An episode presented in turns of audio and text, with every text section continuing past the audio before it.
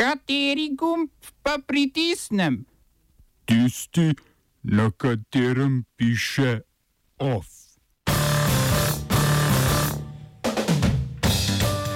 Odstopil finski premijer Antti Rine. Sindikati šolnikov na Hrvaškem z vlado sklenili dogovor o koncu stavke. Azerbejdžanski parlament izglasoval predlog lastne razpustitve.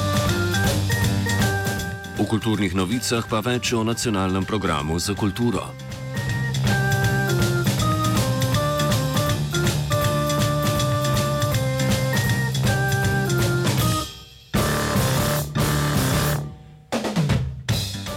Finski premijer in vodja socialdemokratov Antti Rine je predsedniku države Sauliju Nini Stoju podal odstopno izjavo, ki jo je ta tudi sprejel. Razlog za Rinejev odstop po le šestih mesecih vladanja je spor v koaliciji socialdemokratov, stranke Centra, Zelenih in Švedske ljudske stranke. Glede načrtov državne pošte, da okoli 700 zaposlenim zadolženim za razvrščanje paketov v podpis ponudijo nove pogodbe z nižjimi plačami. Ti so stavko dosegli v mik spornih pogodb in odstop Sirpe Patero, ministrice pristojne za upravne reforme iz vrst socialdemokratov, ki naj bi s podporo Rineja odobrila načrt prestrukturiranja pogodb poštnih delavcev. Po izgubi podpore pri stranki Centra, drugi največji parlamentarni stranki, je na to odstopil tudi Rine. Bolj kot predčasne volitve pa se zdi verjetno imenovanje novega premijeja in nadaljevanje dela trenutne vlade.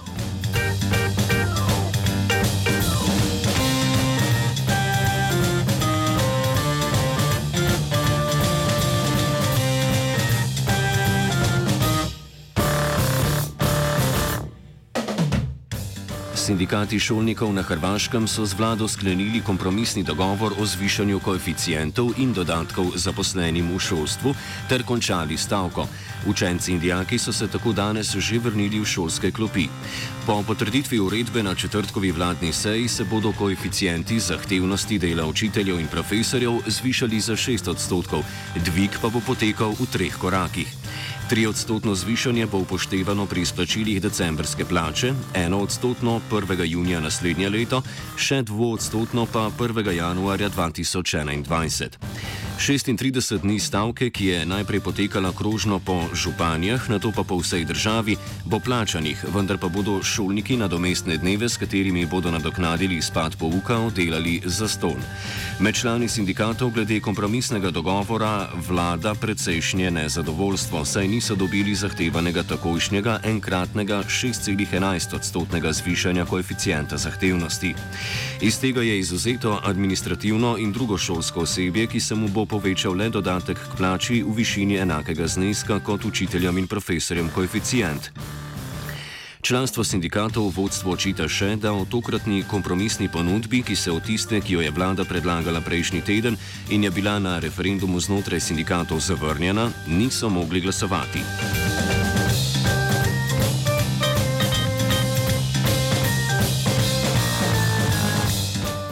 Azerbejdžanski poslanci so z 99 glasovi za, enim proti in enim vzdržanim potrdili predlog vladajoče nove azerbejdžanske stranke o razpustitvi parlamenta in predsednika države ter vodjo omenjene stranke Iljama Alijeva pozvali k razpisu predčasnih volitev. Poziv k predčasnim volitvam pa prihaja slaba dva meseca po nepričakovanem odstopu premijeja Novruza Mamadova, ki ga je na predlog Alijeva soglasno podporo parlamenta zamenjal njegov tesni zaveznik Ali Asadov.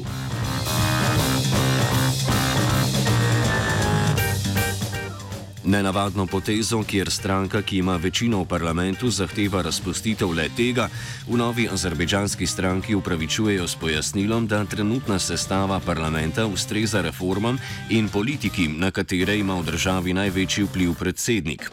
Če oziroma ko se bo ta z dekretom odločil razpustiti parlament, bo začel teči 60-dnevni rok, v katero morajo biti razpisane in izvedene predčasne volitve, ki bi sicer redno potekale novembra naslednje leto. Pojavljajo se sicer pomisleki o pravni vzdržnosti takega ukrepa, saj lahko v skladu z azerbejdžansko zakonodajo predsednik parlament razpusti le, če ta dvakrat v enem letu izglasuje nezaupnico ministerskemu kabinetu oziroma ne imenuje zadostnega števila sodnikov na ustavno in više sodišče ter članov uprave centralne banke, oziroma ko ne izpolnjuje svojih dožnosti, ne pa ko sam izglasuje predlog razpustitve. Zakaj so se pri novi azerbejdžanski stranki odločili za poskus razpustitve parlamenta, v katerem imajo večino, še ni jasno. Alijev je z novo azerbejdžansko stranko na oblasti od leta 2003, ko je na predsedniškem položaju nasledil svojega očeta Hejdara Alijeva. Leta 2009 in 2016 je z dvema referenduma najprej dosegel ukinitev omejitve predsedniških mandatov na dva, na to pa še podaljšanje teh z petih na sedem let.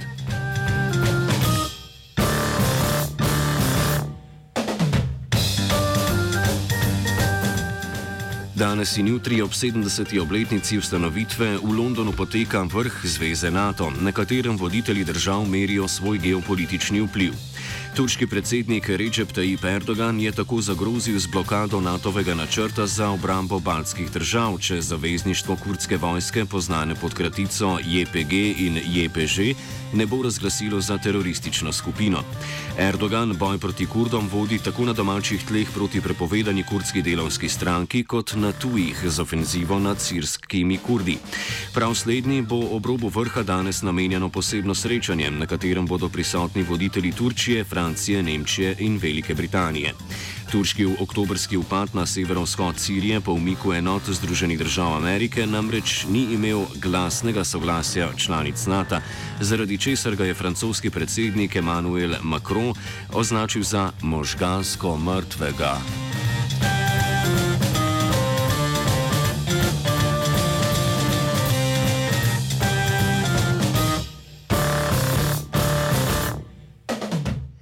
Makronove besede so naletele na oster odziv tako Erdogana kot predsednika Združenih držav Amerike Donalda Trumpa. Prvi je dejal, da je Makron tisti, ki je možgansko mrtev, drugi pa jih je označil za nespodobne, žaljive in zelo nevarne, saj da nihče ne potrebuje NATO bolj kot Francija. Ganski in ameriški petelin bosta nesoglasja poskušala zgraditi na današnjem dvostranskem srečanju. Odnose med državami v zadnjem času prežemajo grožnje s carinami, ki bi jih Združene države Amerike v višini 100 odstotkov uvedle na nekatere francoske izdelke, kot so siri, peneča vina in ženske torbice, kot protiukrep zaradi sprejetega digitalnega davka, ki naj bi diskriminiral ameriška podjetja iz te branže.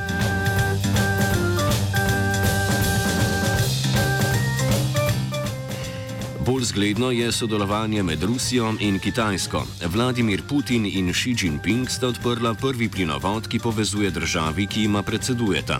Več kot 3000 km dolg plinovod, poimenovan Moč Sibirije, bo povezoval plinska polja v Jakutiji in Irkutski regiji ter sever Kitajske, največjo uvoznico zemljskega plina, kamor se bo, ko bo do leta 2025 predvidoma polno operativen, letno steklo 38 milijard kubičnih metrov metrov plina.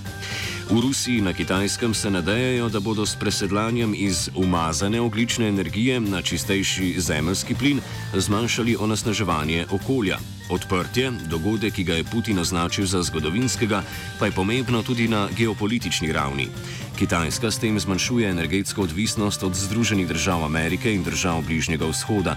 Rusija pa je po zapletih zgradnjo plinovoda Severni tok 2 preko Finske, Švedske, Danske do Nemčije v prvi vrsti mu nasprotujejo Združene države Amerike, ki opozarjajo, da bi Evropa tako izgubila energetsko avtonomijo, uspešno realizirala projekt pomemben za energetskega giganta Gazprom.